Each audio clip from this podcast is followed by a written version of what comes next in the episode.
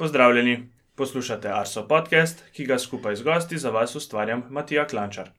V zadnji epizodi je bil gost profesor dr. Jože Rakovec. Pogovarjala sva se o študiju meteorologije na fakulteti za matematiko in fiziko. Današnja sedma epizoda se bo ukvarjala s preučevanjem klime preteklosti. Na začetku bova z Veroniko Hladnik pregledala metode preučevanja in omenila, s katero od teh metod se srečujejo naši sodelavci na Arso. Kasneje pa se mi bo iz Gozdarskega inštituta Slovenije pridružil dr. Jarnej Jošenak. Podrobneje bova, bova govorila o dendrokronologiji. Ker želimo biti z našim podcastom tudi aktualni, sledi za konec še novost z področja hidrologije. Sedaj pa k prvi današnji gosti. Zdravo, Veronika. Živijo Matija. Uh, veda, ki se ukvarja s preučevanjem podnebja daleč v preteklost, se imenuje paleoklimatologija. Uh, v tem splošnem pregledu se bova skušala premikati po časovnem traku od daljne preteklosti k sedanjosti. Pa me najprej zanima, uh, zakaj želimo dobro poznati podnebne razmere, sploh v preteklosti. Ja, no, eden izmed glavnih razlogov je gotovo ta, da v nekih preteklih podnebnih razmerah lahko najdemo kakšne podobne vzorce, ki jih lahko primerjamo s, s, s temi, ki se pojavljajo sedaj, in mogoče lahko iz tega lažje sklepamo, kaj nas pa potem zares čaka v prihodnosti. Katero recimo metodo bi pa uporabila, če bi naj zanimala klima izpred 10 ali pa celo 100 tisoč let? Ja, verjetno bi se pridružila ekipi, ki na Antarktiki v leti izvrtava vrtine in si tam potem pogledala te vzorce ledu. Lahko bi podobne izvrtke naredila tudi v morsko dno, morda pa kar v sedimente na površju zemlje. Na terenu bi lahko preučevala tudi koralne grebene, ledeniške morene ali tudi fosilne obale.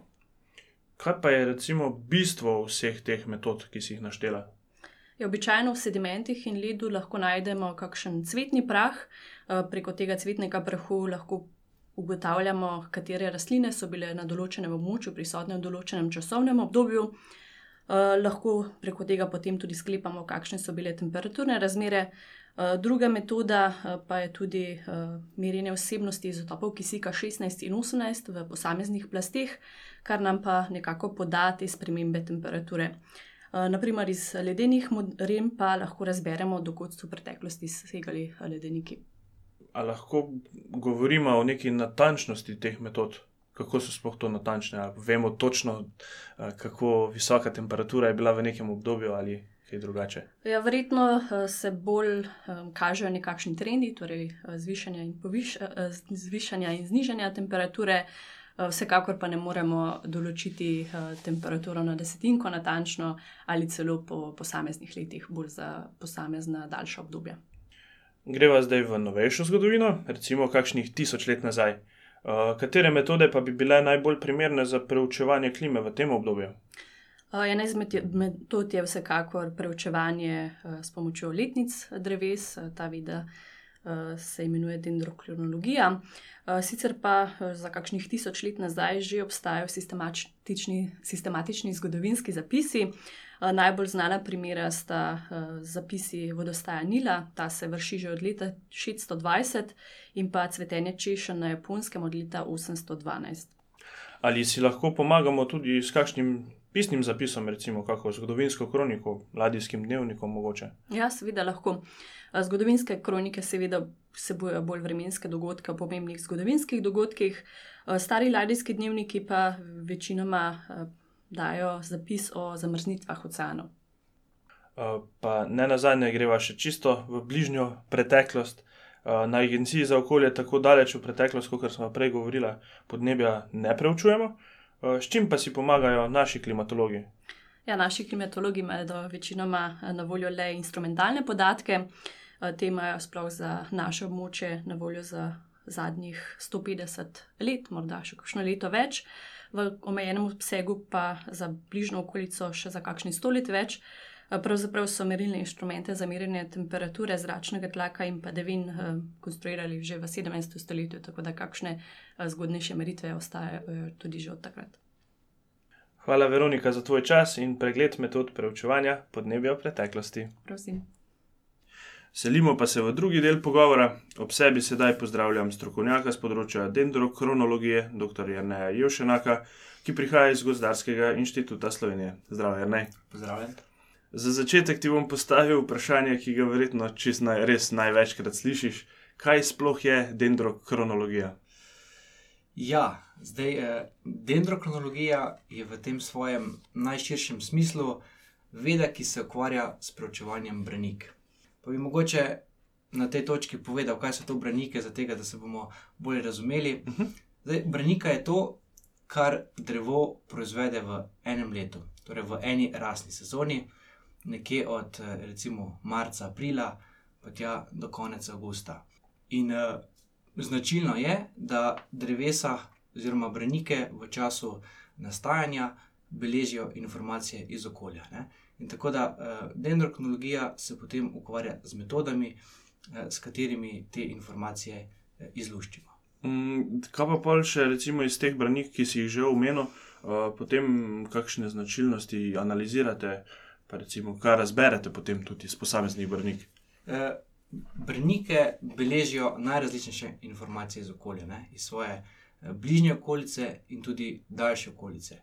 Tako da eh, mi lahko razberemo informacije o recimo, podnebju, tukaj govorimo o poprečnih temperaturah, o recimo eh, padavinah, eh, mogoče vlagi.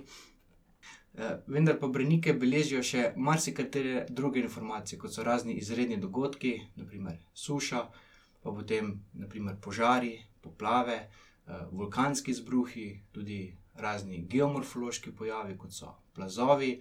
Eh, tako da eh, Brenike so en tak vir informacij, iz katerih je potem potrebno izluščiti te informacije in jih seveda uporabiti. Zdaj, govorila smo zdaj že o teh informacijah, ki, dobiš, v bistvu, ki jih pol pogledaš malo na računalniku in jih skušaš ovrednotiti. Ja. Zdaj me pa zanima, kako sploh prideš do tega podatka.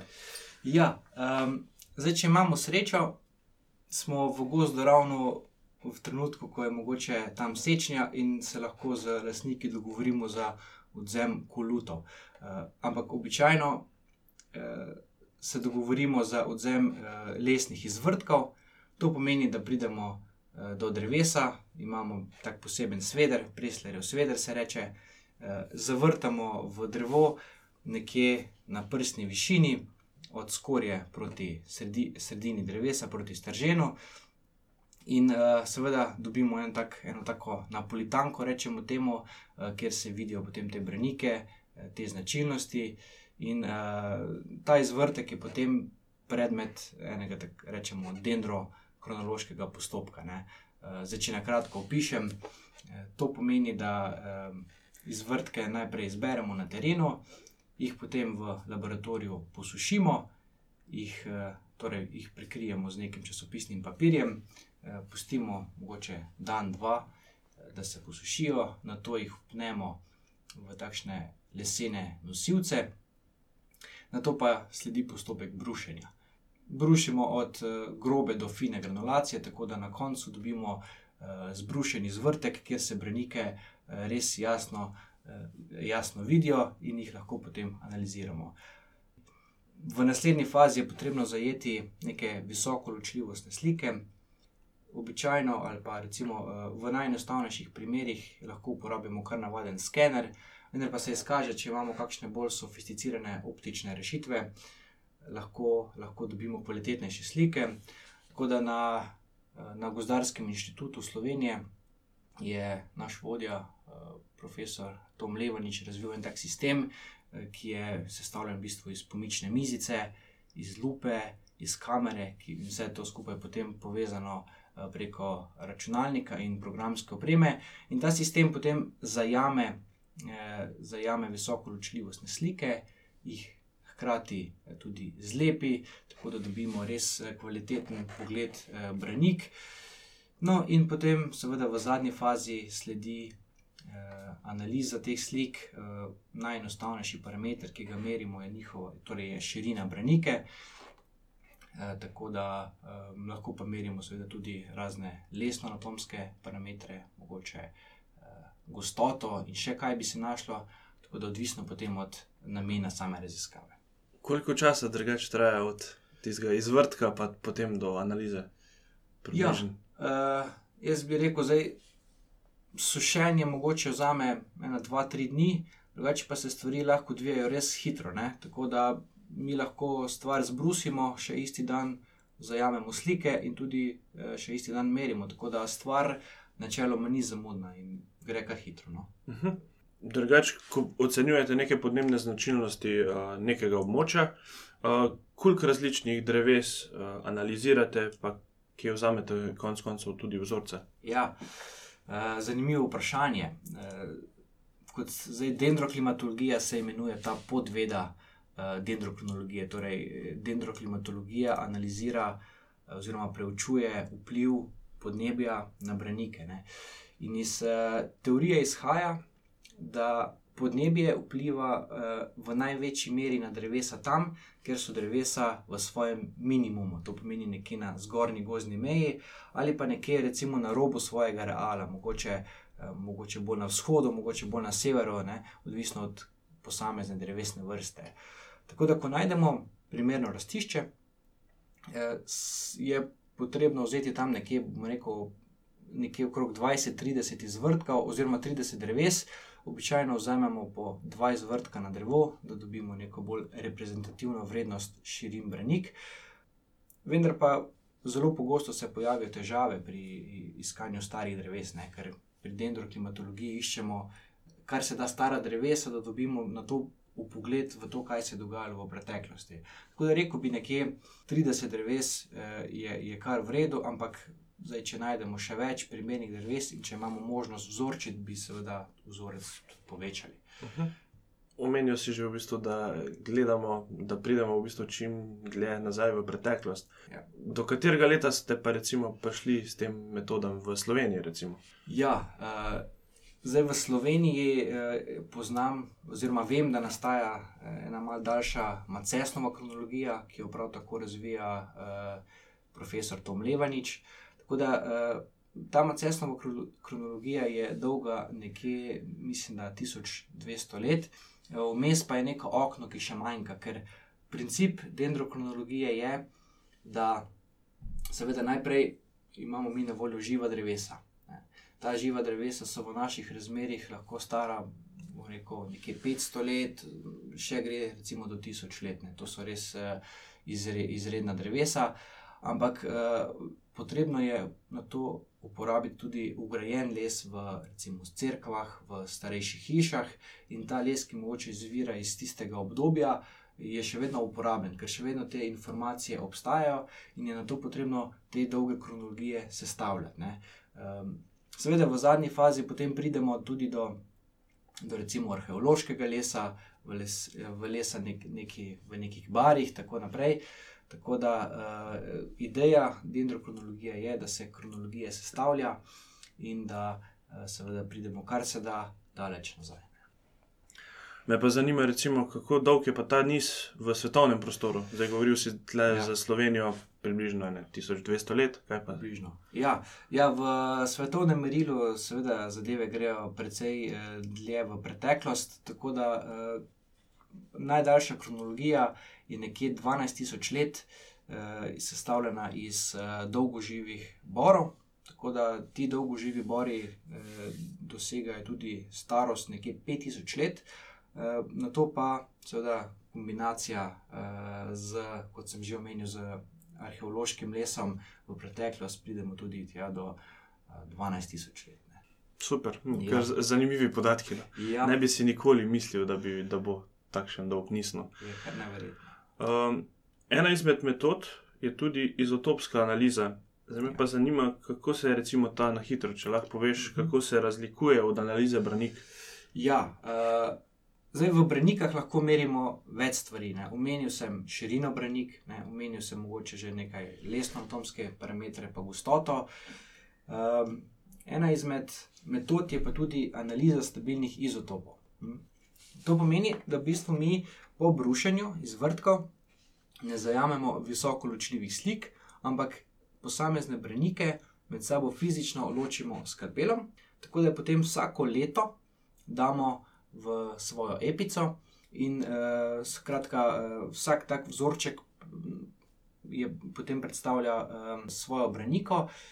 Sledi ekstrakcija celuloze, kar pomeni, da te vzorce izmenično tretiramo z bazo in kislino, tako da na koncu ostane samo alfa-celuloza, ki jo najprej homogeniziramo, na to liofiliziramo, da ostane samo suha snov, samo čista alfa-celuloza, in na to z masnim spektrometrom prav tako izmerimo torej, te razmerje stabilnih izotopov, predvsem ogljika in kisika, lahko pa bi tudi vodika. Ne. Tako da na našem oddelku, torej oddelku za prestoslovje in gojenje gozdov na Gozdarskem inštitutu, imamo zdaj. Uh, mislim, da je dobrih 5-6 let, tudi uh, laboratorij za stabilne izotope, ki je v bistvu bil sofinanciran iz projekta Euforina. Ne. Tako da zdaj uh, počasi dobivamo tudi uh, možnost pogleda v stabilne izotope v Branika. Kaj vam pa recimo drugače ta analiza, ta izotopska analiza, kaj vam v bistvu bistvenega pove? Mm -hmm. Kaj lahko vidite iz teh izotopov? No? Ja, iz teorije izhaja, da informacija o stabilnih izotopih kisika je predvsem povezana s tem, ali drevo jemlje vodo iz tal ne, ali pa iz zraka. Tako da potem je seveda potrebno delno poznati tudi eh, izotopski odtis eh, vlage oziroma vode. Eh, izotopi oglika pa so povezani predvsem s tem, ali, eh, ali, je drevo, eh, ali je bilo drevo v nekem sušnem stanju. Ker v času suše drevo listne reže zapre, kar pomeni, da se. Eh, da drevo sprejme več lažjega oglikovega izotopa, kar se, to, kar se potem zrcali tudi v uh, izotopski sestavi Branike istega leta. Verjetno tudi iz področja dendrokronologije si mislim, da se povezujete s kakšnimi ostalimi državami oziroma eh, ustanovami iz, iz tujine. Uh, mogoče v kakšnem mednarodnem projektu sodeluješ tudi ti? Ja, seveda tega sodelovanja je kar nekaj. Zdaj, mogoče bi omenil, trenutno imamo imamo odprti dve bilaterali, ena je z Mačarsko, eh, kjer v bistvu proučujemo eh, sušenje hrastov v Panonski nižini. Eh, tukaj gre seveda za uporabo predvsem izotopske, izotopske analize. Drugi, drugi bilateralni projekt, ki je trenutno teče in se je začel letos, letos januarja, je projekt z Rusko federacijo, z Univerzo iz Sibirije, Krasnojarsk. V okviru tega projekta bomo preverili delovanje, eh, delovanje enega njihovega modela, ki simulira eh, rast dreves, torej simulira značilnosti brenik in jih bomo potem torej dejansko vrednotili na terenu. Eh, sicer pa trenutno teče tudi projekt, ki ga vodi naš vodja, profesor Tom Levanič projekt o propadanju hrastov ob večjih rekah na Balkanu, torej ob Savi, Dravi in Donavi, tako da tukaj smo zdaj že tudi kar daleč delom. Srba se seveda na Gozdarskem inštitutu Slovenije ukvarja z, torej z brenikami več ljudi, recimo mogoče docentka Jožica Gričar se veliko ukvarja z eh, lesno anatomijo in tam imajo projekt o eh, puhastem hrastu na krasu mogoče tudi kolega uh, eh, dr. Peter Prisland se veliko ukvarja z uh, ksilogenezo, nastankom lesa in kako klima vpliva na nastanek uh, brenik in tako naprej. Tako da uh, to je zagotovo področje. Ki je zelo zanimivo, torej v okviru, tudi v okviru teh klimatskih sprememb, tako da uh, imamo kar veliko dela.